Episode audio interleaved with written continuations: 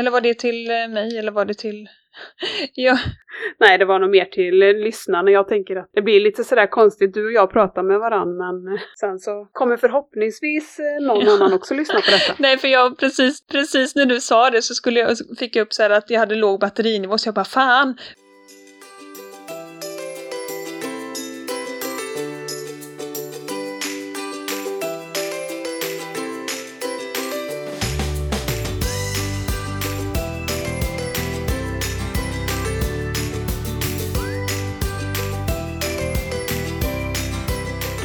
Lyssnar på första avsnittet av Nordlyckans podd. En podd från en funkismammas perspektiv med mig Emma. Eh, och jag är mamma till Vide som är fyra år som har en ovanlig diagnos, eh, ett syndrom som heter MAN1B1 CDG. Eh, och i det här avsnittet så gästas jag av Sanna som är mamma till Signe. Välkommen hit! Tack så jättemycket.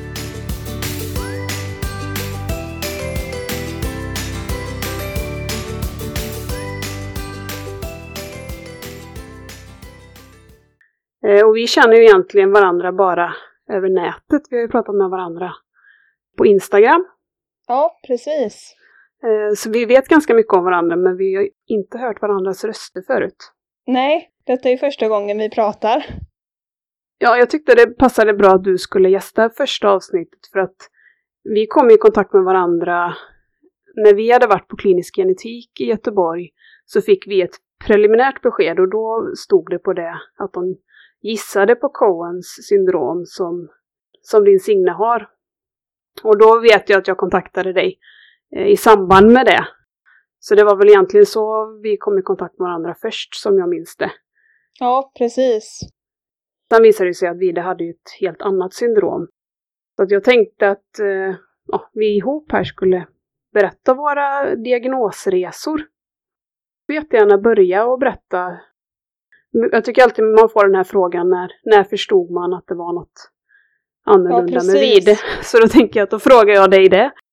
När ni förstod att det var något annorlunda med Signe. Signe var väl runt åtta månader eh, när jag började eh, lägga märke till att hon var ganska sen med mycket i sin utveckling. Hon kunde inte sitta och inte rulla över från, jag tror det var mage till rygg och lite sånt där. Eh, men jag tänkte att alla barn är ju olika och hon har alltid varit väldigt nöjd och så. Och, eh, så jag tänkte att ja, hon är väl bara lite sen liksom. Men jag tog ändå upp det på eh, BVC på åtta månaders kontrollen. Och då sa hennes BVC-sköterska att vi väntar till 10 månaders kontrollen och så ser vi eh, hur det ser ut då. Så, men det var väl där runt åtta månader som vi började lägga märke till att hon var sen liksom. Men man hade ju ingen tanke på vad det kunde bero på eller så utan Men BV- BVC-sköterskan, eh, hon, eh, det var inte från henne det kom utan det var Nej. från föräldrar. Ja, precis. Det var från oss föräldrar. Och när man liksom började vara på öppna förskolan och så, när man såg att typ alla barnen satt upp, men Signe var så slapp i kroppen på något sätt. Och klarade absolut, alltså hon lärde sig nog sitta när hon var kanske ett år, om jag inte minns helt fel. Så att när hon var åtta månader då var hon ju ganska långt ifrån att kunna sitta själv. Så det var väl då när man började träffa andra barn i hennes ålder som man märkte att hmm, ja, hon är lite sen. Liksom. Hur, gamla, eller hur gammal var Vide när ni började märka att... Eh, ja, egentligen har det ju varit med Vide har det varit så att vi har vetat att det hade varit någonting fel, eller hur man nu ska uttrycka sig, ända sedan han föddes egentligen. Alltså graviditet och förlossning och så var liksom normal.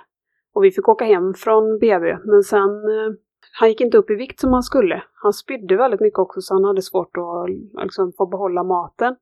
Och det förstod vi ju sen var reflux. Som jag inte visste då vad det var, men det är ju att inte magmunnen stänger sig ordentligt. Eh, så vi åkte fram och tillbaka och vägde han. Men när han var tio dagar så hade han gått under de här magiska 10 procenten av födelsevikten. Han hade gått ner för mycket i vikt. Och så tyckte de att han visade tecken på uttorkning och infektion. Så då blev vi inlagda på neo med honom eh, när han var tio dagar. Så vi hade hunnit vara hemma en och en halv vecka. Men blev inlagda. Eh, och då blev han sondmatad så vi låg inlagda i två veckor. Eh, men när vi åkte därifrån så hade vi lyckats få igång en flaskmatning och så, så att eh, han hade ju bara sån då på sjukhuset. Så att, eh, att det var någonting motoriskt fel förstod vi egentligen redan där och då. Men hur gick ni vidare sen då? Först, alltså det var ju en process även det för att eh, ja, vi väntade till tio månaders kontrollen då eh, och då sa även hon, BVC-sköterskan, att hon tyckte att Signe var lite liten. Det sa hon eh, först när vi kom in i rummet. Eh, och det hade hon aldrig kommenterat innan så jag tänkte jaha, vad, är hon, tänkte jag. Så att eh, hon mätte ju och vägde och då gått upp i vikt som hon skulle och var liksom, höll sin kurva med längden också. Men huvudomfånget hade liksom stannat av. Det hade inte växt på typ två månader. Såg ju hon också då att hon var sen med, hon kunde ju inte sitta och jag tror hon skulle greppa klossar och sånt där, men det ville hon inte heller göra. Och vände ju sig inte heller från mage till rygg eller hur det nu var. Eh, så då fick hon först träffa en allmänläkare två veckor efter det här besöket som tillhörde den här BVC-kliniken. Han var ingen barnläkare utan det var en vanlig allmänläkare eh, som då skulle bedöma om det här var någonting som behövde skickas, att vi behövde skickas vidare då. Så vi fick gå två veckor och vänta och var ju jätteoroliga och förstod ju inte alls vad, vad det handlade om. Och så fick vi träffa den här läkaren och han konstaterar ju också att jo, men hon är ju sen med ganska mycket eh, så ni får, jag skickar det till en barnläkare och så får hon bestämma vad ni ska göra sen.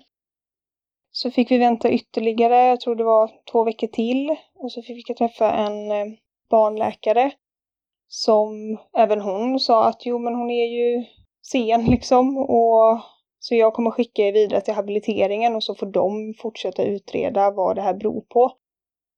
Och vi visste ju inte så mycket, alltså vi, man, man förstod ju liksom inte alls vad det handlade om och det var ingen som sa någonting heller vad det kunde bero på. Googlade du någonting under den här tiden? Ja, jättemycket. Eh, alltså jag, jag försökte googla på typ litet huvudomfång och det kom upp en del men inte jättemycket. Men det som kom upp var ju alltså eh, ja, inte bra liksom. Utan jag tänkte att om jag googlar så kanske det finns lite lugnande besked. Men det stod ju bara att ja, det är hjärnskador och massa sånt. Ja, för det heter något speciellt. Ja, precis. Eh, Mikrocellafi tror jag. För det vet jag att då när vi fick det här eh, preliminära beskedet så stod det ju just det här med, med litet huvud. Det var ju den informationen vi hittade. Och det stämmer ju inte alls på Vide, för han det är ju precis tvärtom, att han har ett väldigt stort huvud. Eh, så vi förstod väl ganska snart egentligen att den, det där liksom preliminära beskedet kanske inte stämde. Nej, precis. Nej, så att jag googlade jättemycket och mådde väldigt dåligt under den här perioden när man inte visste vad det var. Men det var egentligen, ja, det stod inte så jättemycket på Google ändå och jag försökte liksom, för det var ju egentligen det enda vi kunde se då att okej, okay, hon har ett lite mindre huvudomfång och hon är sen i utvecklingen. Men till slut så fick vi komma då till habiliteringen och där fick vi träffa ett team med en läkare, en sjuksköterska, sjukgymnast, psykolog och kurator. Ni fick ändå komma dit utan att ha en diagnos, för så är det inte alls i Borås. I Borås måste man ha en diagnos för att få komma till habiliteringen. Jag har förstått att det är olika på olika ställen. Det visste jag inte, för jag tänkte att men hur ska man annars få reda på om barnet har en diagnos? Vi tillhör istället barnmottagningen. Där har de ju också barnläkare och, och de har ju allt som finns på habiliteringen, logoped och sjukgymnast. Och... Barnmottagningen fick vi komma till innan habiliteringen. Det var ju där den läkaren var som sa att ja, jag skickar det vidare till habiliteringen för hon kunde typ inte göra någonting där då. Eh, men så vi fick träffa ett team där. Det här var väl i ja, maj tror jag, slutet på maj, början på juni. Eh, 2018, så lite innan Signe skulle fylla ett. Och där sa de väl i princip samma sak som alla andra hade sagt och som vi redan visste att ja, hon är sen i utvecklingen, men vad det beror på, det är det vi ska försöka ta reda på här. Men det kan ta tid och det är ganska mycket som ska gås igenom och sådär. Och även där fick vi ju liksom inte eh, något konkret om vad det kunde bero på eller eh, vad det kunde vara, utan jag minns bara att de frågade oss på första mötet om om jag hade haft någon infektion eller varit sjuk under graviditeten, men det hade jag inte utan jag hade en väldigt bra både graviditet och förlossning hade flyttat på väldigt bra och var helt normalt. Var det någon som nämnde det här med, med genetik, att det kunde vara något ärftligt? Nej, faktiskt inte då. Det är aldrig någon som liksom har sagt någonting att det kunde vara, inte vad jag minns i alla fall, att det kunde vara något genetiskt eller någon diagnos eller så, utan det är aldrig någon som har liksom sagt någonting. Vad jag kan minnas i alla fall. Inte då. Men däremot så eh, sa man ju det att man skulle ta lite blodprover på Signe då för att se, ja, jag vet inte, men de skulle väl ta lite tester och få antagligen för att se om det kunde vara något genetiskt. Eh, men jag minns aldrig att de sa just det ordet eller så. Utan de sa typ, ja vi ska ta lite prover och se, ja men även säkert att kolla liksom vitaminer och olika värden och sånt. Och det man först kunde se var ju att hon hade väldigt låga halter av vita blodkroppar. Eh, nej, för då ringde de och sa det att eh, ja, hon har eh, låga vita blodkroppar, men det kan man ha. Har hon nyligen varit sjuk? Eh, och då sa att ja, jo, men hon hade ju varit förkyld då bara någon vecka innan, så att eh, då sa de ja, men då tar vi nya prover eh, nu då att se om de är bättre. Och redan där kände jag på mig, bara nej, jag tror inte att de kommer vara, jag tror att de är, de kommer nog vara fortsatt låga, jag bara kände det på mig. Eh, och det var de ju. Eh, och det är ju typiskt då när man har Cohen syndrom att man har en väldigt låg halt av eh, neutrofila vita blodkroppar. Påverkar det henne på något sätt? Ja, eh, det betyder ju då att eh, man har lite tuffare att bekämpa bakterier. Hon har ju nedsatt immunförsvar. Så att får hon en bakterie, säg en bakteriell lunginflammation, så kan det bli mer kritiskt om man inte tar hand om det i tid eller så. Eh, så man får ju alltid vara lite på sin vakt om hon blir sjuk och se till så att hon inte får för hög feber eller eh, det är nästan alltid standard att blir hon sjuk eller förkyld så åker vi nästan alltid in till vårdcentralen och får ta prover och se så att det inte är något bakteriellt eller så. Nej, det kunde de ju se då att hon hade låga vita blodkroppar. Eh, men annars så såg ju allting bra ut och man gjorde även ett, sen senare då, även ett gentest för att se om det kunde vara något eh, genetiskt och då tror jag man kollade så att eh, alla kromosomer fanns. Och det gjorde de ju. Allting såg ju bra ut där med. Eh, och det, när de ringde och sa det att ja, eh, det här första gentestet har kommit tillbaka och det ser helt normalt ut. Då blev man ju såklart glad. Men man kände ju samtidigt att, ja men vad är det då då? För att någonting stämmer ju inte. Hade ni fått göra någon magnetröntgen? Eller har hon, har Signe gjort det? Ja, det fick hon göra sen, eh, jag tror det var strax efter eh, det här första gentestet hade kommit tillbaka. Så fick hon göra en magnetröntgen på hjärnan då. Och även den kom tillbaka och var utan anmärkning. Vilket såklart var jätteskönt med, men samtidigt så kände man ja men vad, vad är det då då? Och hur gammal var hon då när ni fick det första beskedet om gentest? Då var hon väl lite drygt ett år, kanske jag minns inte, men kanske ett år och två månader. För när vi låg inlagda på NEO så tog de ju mängder med prover. För att de hittade ju inte liksom vad som var problemet egentligen. Jag trodde de att det var matbrist, att han var trött och slö. Ja, han var upplevdes ju som trött också då. Ja, att det berodde på matbrist. Men sen när vi hade sondat honom så blev han ju inte piggare. Och då förstod de kanske att det var någonting mer, men de sa att det fanns ingen uppenbar, uppenbart att han var sjuk, men de tog massa tester. Och då vet jag att de sa att de tog också några tester för de vanligaste syndromen. Sen vet jag inte vilka som, vilka som ingår i det testet, men så han gjorde ju sån gentest väldigt, väldigt tidigt, men ja, det som han har är så ovanligt så det fanns ju såklart inte med på det testet. Nej, precis. Och vad jag har fått eh, berättat för mig i efterhand när vi var på klinisk genetik så förklarade de väldigt bra där att det här första testet, det, kolla, det de hade gjort på Signe i alla fall, det kollade egentligen bara så att hon hade alla kromosomer och det har hon ju, men hon har ju en, om jag har fattat rätt, en förändring i en kromosom. Alltså det är en, en gen i en kromosom som är förändrad. Eh, men det kunde man inte då, som du säger, se på det här vanliga testet. Utan det var man tvungen att gå på ett ett djupare test och veta lite vad man letar efter. För det är väl det som också är med alla de här gentesterna att människan har så, jag vet inte hur många tusen gener man har, men eh, det är ju väldigt många så att man måste veta vad det är man letar efter för att kunna ställa en diagnos, annars kan det ta väldigt lång tid då. Ja, och sen har jag förstått att de har eh, fått en ny sorts eh, test, någon slags eh, full screening som ja, har gjort också att kötiden har blivit långa därför att eh, många som har gjort tester för länge sedan och inte fått några besked har man liksom gjort om tester på.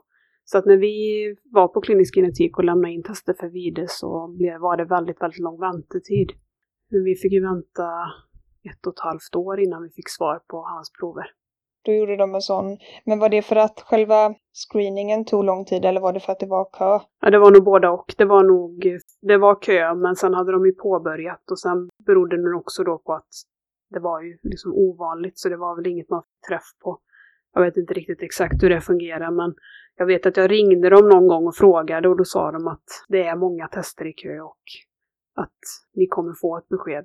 Allting såg ju bra ut men hon fortsatte ju vara sen i utvecklingen. Det gick väldigt, väldigt långsamt framåt. Hon lärde sig ju som sagt, jag tror att hon var runt ett när hon lärde sig att sitta själv men då ramlade hon ändå ibland bakåt och sådär. Och tiden gick ju och vi, ja, vi levde ju på som vanligt och tänkte att, ja, för Signes läkare sa även vid ett tillfälle att sådana här utredningar kan ta väldigt lång tid. Ibland får man aldrig svar på varför barn har vissa avvikelser. Eh, så att försöka tänka att ni har världens eh, finaste lilla tjej som gör framsteg i sin takt och att Signe alltid kommer vara Signe. Så vi tog till oss det och det kändes ändå ganska bra där eh, efter sommaren och när man hade fått göra de här, den första, det första gentestet och att magnetröntgen på hjärnan såg bra ut. Så det kändes ändå bra och vi levde på som vanligt. Och sen så var det ju ett eh, till möte där då i, jag tror det var oktober kanske, på habiliteringen. När Signe var ja, ett år och fyra månader ungefär då.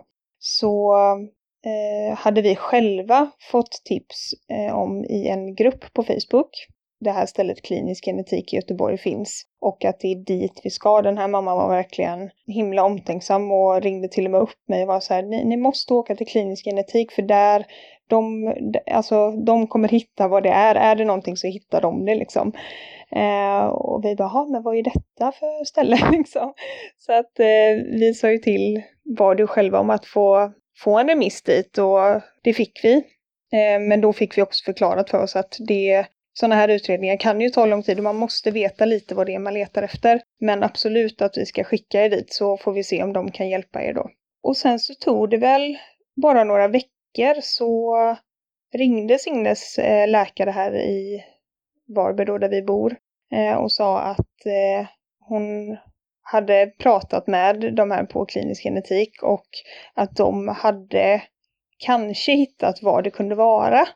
Okej, var, man blev helt så här ställd. Eh, men då ville hon först inte säga vad det var för att hon ville hon visste att jag gillade att googla bland annat. Så hon sa det att jag vill inte liksom leda in dig på någonting om det inte är så. Så att eh, jag vet inte om jag ska berätta vad det är vi misstänker att det är. Det är, väldigt, det är väldigt svårt att låta bli att googla. Ja, men, jo, men det är ju det. Man vill ju ändå veta för att under hela vår resa liksom fram till diagnosen så har ju det jobbigaste varit att man inte har vetat. Allting blir ju mycket enklare tycker jag när man bara får alltså ett besked. Hur illa det än eh, skulle kunna vara så vill man ändå veta vad det är så att man kan ta på det och liksom okej okay, men då nu är det så här och då får vi agera därefter. Typ. Men jag sa det i alla fall till henne att men, berätta vad det är. Liksom, jag, jag lovar, jag ska inte googla, men det gjorde jag ju såklart. eh, och då sa hon att eh, det hette Coens syndrom. Det skulle kunna förklara varför hon har ett lite mindre huvud och eh, låga vita blodkroppar. Och där och då så förstod jag inte riktigt för hon, jag frågade ju såklart, ja men vad, vad är detta då, vad, vad innebär det? Men hon sa att det är så ovanligt så att jag vet inte riktigt heller vad det innebär mer än det jag redan har berättat. Jag har försökt googla själv men det står inte jättemycket och det mesta står på engelska. Men eh, vi kommer höra av oss framöver eh, när den här genetiska screeningen är klar. Ja, för det vet man ju att de säger att man bara ska läsa på Socialstyrelsen. Men sen just när det gällde det här syndromet så finns det ju ingen information på svenska. Eh, och det är också så att få ett preliminärt besked att det kan vara detta syndromet, ingen liksom mer info. Men jag kommer, det vet jag också att du skickade, du hade nog skrivit ihop något själv på svenska. Eller om du hade gjort ett blogginlägg eller... Mm, precis, jag har gjort ett eh, blogginlägg om det just för att eh, men det ska finnas lite information på svenska i alla fall. På nätet. Men så, ja, vi la på och så, och så tänkte jag, bara, gud jag måste ju googla såklart. Så jag googlade ju och det tog ju liksom, alltså en minut så var jag helt övertygad om att det var det här Signe hade för att de har ju vissa utseendemässiga drag också som eh, gör att alla barn med Cohns syndrom är väldigt lika varandra. Och det var ju verkligen som att få se syskon till Signe. Det var alltså sån märklig känsla. Bara, men gud, det, det ser verkligen ut som, som syskon till henne. Så att eh, ja, jag satt ju där hemma liksom själv och läste och läste.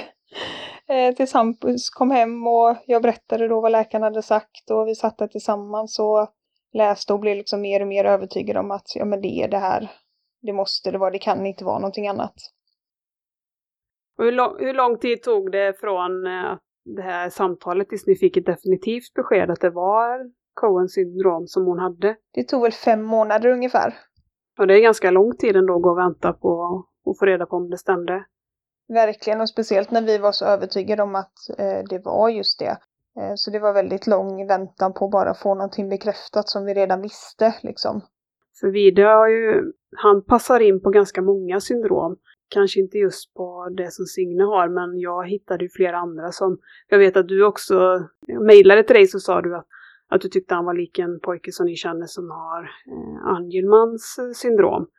Eh, och då hade jag varit inne och sökte på Googla på det och tyckte att men det stämmer ju som på Vide. Och det har man förstått att många syndrom går in i varandra. För Vide har ju också, han har haft väldigt ljust hår och långa ögonfransar och det är ju också många syndrom som har just de eh, som utseendemässiga dragen. Det är verkligen en djungel liksom och som du säger, många syndrom som liknar varandra. Men just det här, det här kändes så självklart att det var Coens eh, redan innan vi fick det bekräftat då. Eh, så jag liksom, det tog väl en dag så hade jag gått med i någon Facebookgrupp då med eh, den stora Facebookgruppen för föräldrar som har barn med Cohen syndrom. Eh, och jag blev, eller jag och Hampus då blev ju accepterade fastän vi inte hade fått det genetiska svaret. För även de som hade gruppen sa att Signe var så lik de här barnen så att de var också säkra på att hon hade det. För våra resor är ju, de är ju olika varandra på det sättet att vi trodde väl egentligen att Vida hade en CP-skada, en CP-diagnos. I alla fall tills han var ett och ett halvt. För eh, ja, man gjorde ju en magnetröntgen redan på nio och den visade ingenting men de sa att när barn är så små så är det inte säkert att man ser hjärnskador så att man skulle göra om det här, den här magnetröntgen när han var 18 månader.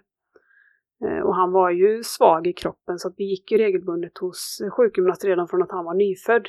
Så att vi trodde väl kanske från början att det bara var ett motoriskt handikapp. Eh, sen tror jag att kanske sjukhuspersonal, alltså sjukgymnasten och logopeden som vi träffade, de förstod nog tidigare att det kanske var liksom en intellektuell funktionsnedsättning också. Det tog lite längre tid tror jag innan det landade hos oss. De trodde ändå att det var en, liksom en hjärnskada det fanns ju inget som tydde på att det hade skett under förlossning eller så, men det kan ju hända i magen och det vet man ju inte, men lite svagare på ena sidan av kroppen också. Det är han ju fortfarande, han är lite svagare på högersidan. Och sen har han en synnedsättning. Diagnosen är en hjärnsynskada och det kan man ju också ha om man har en CP-diagnos. Så det fanns ju ändå saker som tydde på att, att det var det det var. Jag ville egentligen väntade på att han skulle bli 18 månader så att man kunde göra en ny magnetröntgen så att vi kunde få svar på hur stora de skadorna var. Eh, men så gjorde han en andra magnetröntgen och man hittade inga skador, det fanns inga hjärnskador. Utan allting såg normalt ut. Och det var egentligen först då som vår neurolog sa att det kanske kan vara något genetiskt. Fram till dess hade det inte varit tal om det alls. Alltså att det kan svänga så snabbt? Ja, för då var det att det som hon, det som hon trodde stämde ju inte då. Nej. Fanns det ju någon annan orsak till att han var så pass sen? För han hade ju en liknande upplevelse av att han var väldigt sen motoriskt. Tog väldigt lång tid innan han lärde sig sitta och stå själv och alla de här vanliga milstolparna. Och då fick vi en eh, remiss till klinisk genetik och vi var där när vi det på sommaren efter att vi hade fyllt två år var vi där. Och då sa de att han hade inte några, inte tydlig som ansiktsdrag eller så som vi påvisade att han hade något form av syndrom men att det fanns små saker som ändå gjorde att de trodde att det kunde vara något genetiskt. Bland annat så hade han två tår som är lite ihopväxta, vilket vi aldrig hade lagt märke till om inte de hade sagt det. Och det är väl en, en sån sak då som tyder på att det kanske ändå var någonting genetiskt. Eh, men sen tog det ett och ett halvt år nästan innan vi fick besked, så i november nu 2019 så fick vi svar att de hade hittat någonting och att han skulle ta ett eh, nytt blodprov. Och då tror vi att det var så att de hade förstått att det var CDG men inte vilken variant. Och det sa de inte till oss för att det finns ju väldigt många olika varianter av CDG. Och funktionsnedsättningarna varierar ju väldigt kraftigt också mellan de olika varianterna. Eh, och då fick han ta något sånt där biokemiskt prov som skulle skickas, eh, så man var tvungen att ta det på rätt veckodag då så att det skulle skickas inom ett visst antal timmar. Jag kommer inte ihåg exakt hur det var men... Ja just det, men det känner jag igen. Ja det var lite speciellt i alla fall när vi bokade in den där tiden vet jag. Sen ringde våra neurolog i januari och det är ett väldigt speciellt samtal för dels så pratar hon lite dålig svenska och sen så är det ett väldigt krångligt namn på det här syndromet så att när hon sa det så frågade jag liksom flera gånger, men vad heter det? Ja men det heter så här. Ni har ju ändå ett, ett syndrom som man kan typ komma ihåg men det här är ju liksom ja. bokstavs och sifferkombination. Ja varför är det, vad är det som gör att eh, det är eh, siffer och bokstavskombination? Eh, jag har fått förklarat för mig att från början så när de upptäckte de här CDG-syndromet som är ämnesomsättningssjukdom så kallar man dem för typ 1, typ 2, alltså efter när man upptäckte dem. Men till slut blev det så många olika typer så att det blir liksom rörigt tror jag att hålla reda på. Ja, det finns så pass många då ja. Ja, jag tror att i den svenska föreningen är det i alla fall tio olika varianter som är representerade. Så att då är det genen helt enkelt, det är namnet på genen. Och det har man ju ingen koll på. Eh. Nu har man ju präntat in de här liksom MAN1B1 men ja, det är svårt att förklara också för folk för det, då man får ju samma fråga där att ja men vad, vad heter det? Ja men ja, det heter så, jag har inget, liksom, jag har inget bättre svar.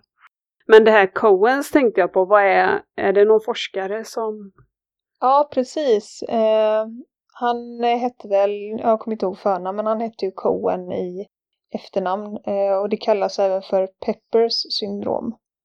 Eh, för det var väl då Dr. Cohen och Dr. Pepper som hittade det här syndromet på 70-talet tror jag. Och vet ni hur många det finns i Sverige som har den här diagnosen? Eh, ja, vad vi känner till så är det väl, om jag inte säger fel nu, sju stycken andra vad vi vet i alla fall. Och det är bara barn, det finns inga vuxna med diagnosen i? Eh, nej, den äldsta som vi träffat eh, var 17 när vi träffades. Men eh, ja, Signe är yngst vad vi vet. Och sen är det ja, från Signes ålder då snart tre upp till 17-18. Hade ni någon eh, träff? Var det i somras? Mm, precis. Det var förra sommaren, 2019 då, som vi ordnade en Cohen-träff i Karlskrona. Eh, så vi träffade alla familjer utom en som inte kunde komma, men alla andra som vi vet om då träffades under två dagar var det väl. Eh, och det var så himla kul att äntligen få träffas för vi pratar ju väldigt mycket med varandra via Instagram och Facebook. Eh, alla vi familjer då som har barn med Coens i Sverige. Vi hörs ju av nästan dagligen. och så bestämde vi det nu. Det var väl när Signe också fick sin diagnos Eh, som de, de övriga då med Coens eh, barn eh, kände att ja, men nu får vi ta och träffas allihopa för de hade inte heller träffats innan. Så vi träffades för första gången allihopa och eh, det var verkligen så himla, alltså det kändes verkligen som en pusselbit som sattes på plats när man fick träffa både föräldrarna och barnen. Ja, så roligt och det, man saknar ju ibland lite den här tillhörigheten. Jag hittade ju för de odiagnostiserade barnen, Villefonden, där kom det tillbaka. Eh, jo, jag hittade det, och det, men det var ganska sent. Det var ja, förra hösten hittade jag den här Villefonden. Eh, som är för ja, föräldrar och barn eller föräldrar till barn med odiagnostiserade sjukdomar. Men vi hann ju få vi hann ju få diagnosen ganska snabbt efter att jag gick med i den här föreningen så att vi hann aldrig åka på någon familjeträff eller så. Jag önskar väl kanske att vi hade vetat om att den fanns tidigare. Det finns ju en CDG-förening i Sverige också som vi blev medlemmar i nästan direkt. Ja, vad, vad bra att kunna träffas. Ja, det är kul också när det finns något redan ordnat. Man behöver inte starta upp det själv. Sen finns det ju ingen i Sverige som har exakt samma syndrom som Vide, men... Finns det någon annan i världen som har? Ja, vad de har sagt på Drottning Silvias är att det finns ungefär 40 barn som man har gjort Eh, studier på över hela världen. Eh, men det finns en, en global sida på Facebook för CDG-familjer. Och där har vi kommit i kontakt med, nu ska vi se om jag säger rätt, tre eller fyra andra familjer som har barn med just det här som vi har då. Så jag har varit i kontakt med föräldrar i Kanada, Australien och Tyskland. På det sättet är ju sociala medier helt fantastiska. Ja, verkligen. Eh, deras barn är lite äldre, de är väl i skolålder. Och så har man ju förstått att det är väldigt stor variation på hur mycket det här syndromet har påverkat barnen. En del har ju en lindrig utvecklingsstörning och kanske kan gå i vanlig klass och så. Eh, något barn är väl lite mer som Vide som har en svår utvecklingsstörning och behöver mer stöd. Så variationen, bara för att man har just det här syndromet så innebär det inte att man har exakt samma svårigheter utan det varierar väldigt mycket. Ja men det är ju samma med Cohen så att det varierar ju också väldigt mycket. Vissa behöver mer stöd och andra klarar sig, eller är mer självständiga och sådär. Hur är det med ärftligheten? Alltså Signe har ju fått Coens för att jag och Signes pappa Hampus eh, är bärare av den här skadade genen. Så att, men det var ju ingenting vi visste när vi träffades utan det märkte vi först då när Signe föddes. Vi har ju en 25 i sannolikhet att få fler barn med Coens. Så att det är ju ärftligt, det beror ju på våra gener eller vad man ska säga. Det är ju exakt samma för oss, att vi är ju bärare av den här defekta genen. Och vi har ju också 25% sannolikhet. Också eh, väldigt osannolikt egentligen då att man träffar varandra och Ja, precis. Samma. Det är ju det de har sagt också, att det är ja, alltså en på miljoners miljoner att det ska kunna hända, att man träffar någon som har exakt samma skadade gen då. Om ni skulle vilja ha syskon till Signe, får ni hjälp då på något sätt med någon konstgjord?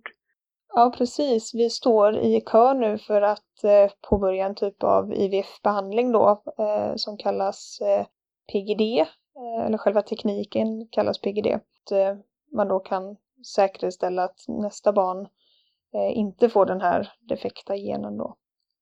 Så det står vi i, i kö till. Eh, och vi var på första mötet nu i januari tror jag. Och det är ju också i Göteborg då på Salgrenska.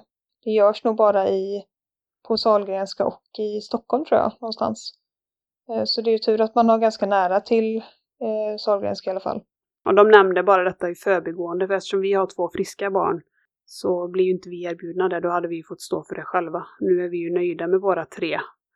Eh, men om det hade varit så att vi hade velat ha syskon, då hade vi antingen fått bekosta en IVF-behandling själva, alternativt bli gravida och sen göra fostervattenprov. Ja, precis. Det sa de till oss med, att man de drog ju upp alla liksom alternativ när vi var där på klinisk genetik och skrev remiss för det med PGD att man antingen kan göra PGD eller bli gravida på naturlig väg och ta fostervattenprov då i vecka 11 tror jag det var. Eh, men vi kommer ju göra PGD då. Och det, det alternativet tror jag vi hade valt också om vi hade varit i den sitsen. Nu, nu hann vi ju skaffa lilla syster innan vi fick det här beskedet.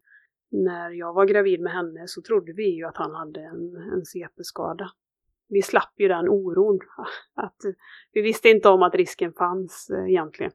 Eh, vi hade någon läkare som frågade hur vi tänkte. Vilket jag undrar lite varför behövde inte han fråga men försökte förklara för honom att vi alla hade ju sagt, det var ingen som hade nämnt någonting om att det skulle vara något genetiskt utan det var ju bara tal om hjärnskada.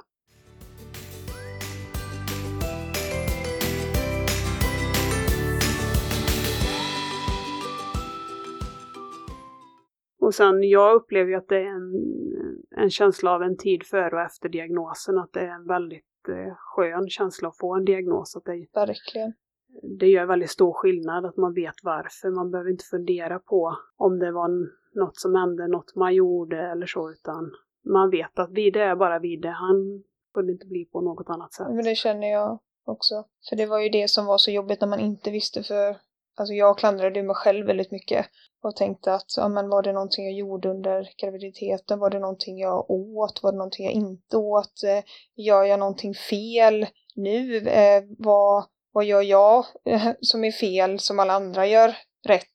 Alltså så. Speciellt eftersom att man hela tiden fick, att, eller att man inte hittade någonting, att allting såg normalt ut. Att nej men hjärnröntgen ser bra ut och gentesterna är bra. Jaha, men varför är hon så sen då? Nej, precis. För jag tränade väldigt mycket under ja, båda första, mina två första graviditeter och kanske ännu mer under graviditeten Mm. med Vide. Och då hade jag väl också några sådana tankar om att om, om det är jag som har orsakat det på något sätt, att jag har tränat för mycket eller för Ja, hårt precis. eller så. Så det är skönt när man får reda på att jag kunde inte gjort något eh, annorlunda utan han är bara som han är.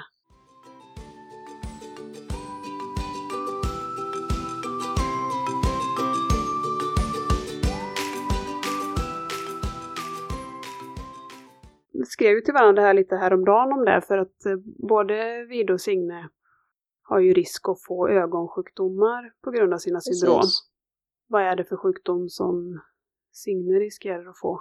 Alltså dels så är ju Signe väldigt närsynt, eh, det vet vi ju eh, eftersom att man har gjort synundersökningar. Så hon har ju glasögon, det fick hon när hon var kanske ett och ett halvt. Eller nej, hon, hon var nog äldre. Hon var nog närmare två. Och sen så har man också anlag för att få en ögonsjukdom som jag inte kommer på vad den heter nu, men jag har sagt hela tiden att den heter retinal dystrofi, men den heter typ retinal pigment, pigment någonting. Jag undrar om det är, är det samma som... Jag har skrivit upp det här bara för att det är så svårt att uttala, men det är Tinitis pigmentosa. Ja, precis! Ja, det är, är det samma. samma eller? Det är det. Nu har jag ju varit inne och läst och som jag förstår det så är det någonting som eh, drabbar ö- ögats näthinna och det finns massa olika varianter på den här Jag tror det sjukdomen. med och det verkar vara väldigt varierande och som du säger kunna drabba olika delar av ögat men vi vet ju inte om Signe har den här sjukdomen än men ja, vad, vad vi har förstått så kan man bara kolla det genom att eh, söva barnet och gå in och kolla på näthinnan då antagligen. Och i och med corona och så nu så kommer de väl inte göra någon sån undersökning förrän till hösten tidigast. Och då får vi ju svar på om hon har den och den innebär ju då att man blir mer eller mindre nattblind om jag har förstått det rätt. Att man har liksom, får lite mer tunnelseende och kan väl i värsta fall leda till mer eller mindre blindhet. Ja, precis. Och jag tror att det blir gradvis sämre och sen vet man inte hur, hur Ja, dåligt och det hur kan snabbt det går. Vi har ju en konstaterad synnedsättning. Det är väl den Eh, funktionsnedsättning som är mest dold hos honom. Men jag tror att eftersom neurologen var inne på CP-diagnos så var väl även eh, vi har ju gått på syncentralen och att de har väl också varit inne på att det har varit en hjärnkylskada och de har ju skrivit den diagnosen på honom. Men eh, nu när vi har fått liksom reda på vilket syndrom han har och jag har läst på om detta då, att där risken finns för den här sjukdomen, så tänker jag att det kanske är det han har. För han har ju just det här med synbortfall, att han inte ser åt sidorna, han ser inte neråt. Och, Det här med att se neråt märker vi mer på Signe nu när hon har lärt sig gå. Eh, för hon ramlar ju väldigt mycket. Det, vet, alltså det är ju säkert en kombination då mellan att hon kanske inte ser jättebra och att hon är muskelsvag och lite överrörlig då i lederna. Eh, så att det blir ju jobbigt om hon snubblar då eller inte ser för jag är ju ofta syntolk och så vidare om vi är på nya ställen. För han har också svårt att bedöma avstånd, så han ser ju inte djup och höjd. Så att man får ju tala om för honom om det kommer en trappa till exempel, för annars skulle han ju kunna gå rakt ut där. Eller han kan snubbla om det är saker som inte, han ser ju inte om det inte är tillräckligt kontrastrikt så att om det ligger något beige på ett trägolv så är det inte säkert att han kommer se det så att då måste man syntolka och tala om att nu kommer det någonting här och så. Men det finns ju ändå en oro kring att synnedsättningen skulle bli sämre. Vi kommunicerar ju mycket med bilder och klart om synen skulle bli sämre eller försvinna så försvinner ju hans sätt att tala. Hur är det med Signe? Signe pratar hon? Eh, ja, hon har faktiskt, alltså bara den senaste veckan tycker jag börjat eh, prata väldigt mycket olika ord och så. Hon säger ju, hon kan ju säga alla babblarna. Precis, vet precis vem som är vem. det är jättegulligt. Eh, och så kan hon säga mamma och pappa och så säger hon lite namn och sådär. Sen är hon ju väldigt, alltså hon gestikulerar ju och pratar väldigt mycket bebisspråk och ser hon någonting spännande så tittar ju hon på det och sen tittar hon på mig och så börjar hon babbla på sitt sätt och titta på grejen och är liksom, så hon gör ju sig verkligen förstådd men det är klart att det är mycket tack vare eh, synen, eller vad man ska säga, att det är en kombination av att kunna prata då lite bebisspråk och att kunna se. Så att det är klart att eh, man är orolig om att hennes syn ska försämras mycket.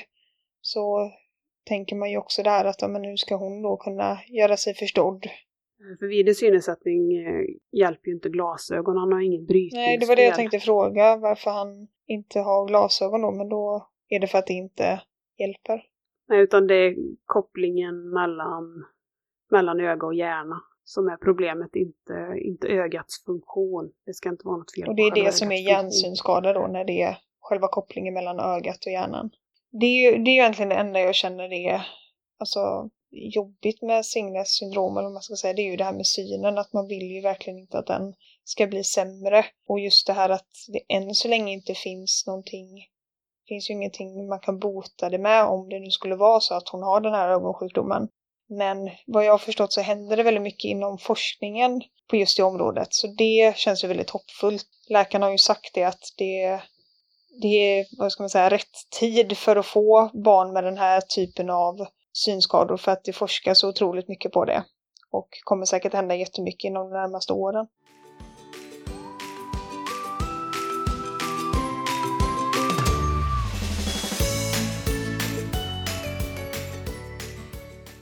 Ja, tiden eh, går fort.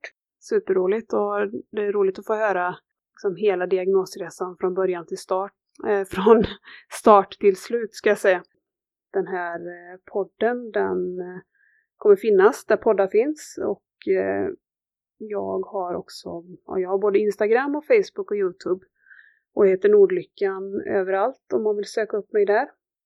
Och så ska jag berätta att i nästa avsnitt ska jag plocka upp lite lösa trådar och testa på det här med eh, solopodd spännande och intressant att få, som du säger, prata igenom allting från början till slut. Och jag hade kunnat sitta och prata flera timmar till liksom. Det finns så mycket och det är kul att både prata och lyssna med någon som går igenom samma. Ja, våra barn är ju i liknande ålder och jag tycker också det är väldigt roligt att höra de här diagnosresorna, särskilt när man själv redan sitter med sitt eget facit jättebra, så himla bra koncept verkligen. Alltså det är exakt som jag skrev till dig, jag blev så glad när du skrev att eh, du skulle starta den här podden, för det är precis sånt som jag har saknat.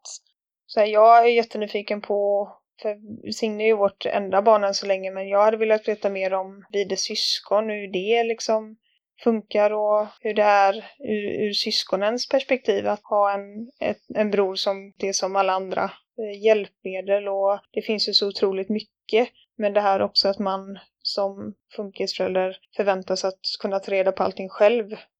Ja, vi har känt det i alla fall väldigt mycket. Vi har ju fått be om allting och fråga runt om, fråga efter allting. Eh, och jag tror att det var ni som när jag såg att ni la upp en bild på videon när han hade sin lilla rullator med sån här. Är det den lilla blåa? Den lilla gula, den var vi eh, först när vi tänkte men den ser jättebra ut för att kunna gå utomhus med. För det var ingen som hade sagt det till oss att ja, men eh, nu tycker vi att Signe är så pass stor att hon ska få en rullator här. Utan det var ju vi som fick fråga, hallå, kan vi också få det? Ja, men det var likadant för oss. Vi ville ju egentligen ha en gåstol från början, men det sa ju våran sjukgymnast nej till. Men sen fick vi den här rullatorn. Och då fick vi först en sån gul som man har bakom sig, men sen fick vi en blå som man har framför sig och den fick vi också tjata oss till för att det vill de egentligen inte skriva ut. Men det vet jag att efter att jag la ut på sociala medier, den lilla blåa, så är det många funkismammor som har tjatat till sig just den rullen. Eh, ja, det är roligt med hjälpmedel, det hade man kunnat mm. prata om Ja. länge också. Det finns eh, mycket. ja, verkligen. Det är, som sagt, man hade kunnat prata om det hur länge som helst. Men det var jätteroligt att du ville vara med och att du kunde idag när jag var lite så spontant. Men ibland blir det nästan bättre. Ja, men det känns så. Och det är så lite typiskt mig med att bara ja, ja, men det är klart att jag ska vara med och sen bara nej, men gud. Vi kanske ska försöka avsluta då. Sover Signe nu eller? Hon jag gick och la henne strax innan vi skulle börja podda. Jag är i Skåne helt själv så jag har Ja, så lyxigt. Gud vad skönt. Ja, superlyxigt. Det är sån semester. Men ja, vi hörs Ja, men det gör vi. Ja, tack för att jag fick vara med. Tack själv. Hejdå. Hejdå.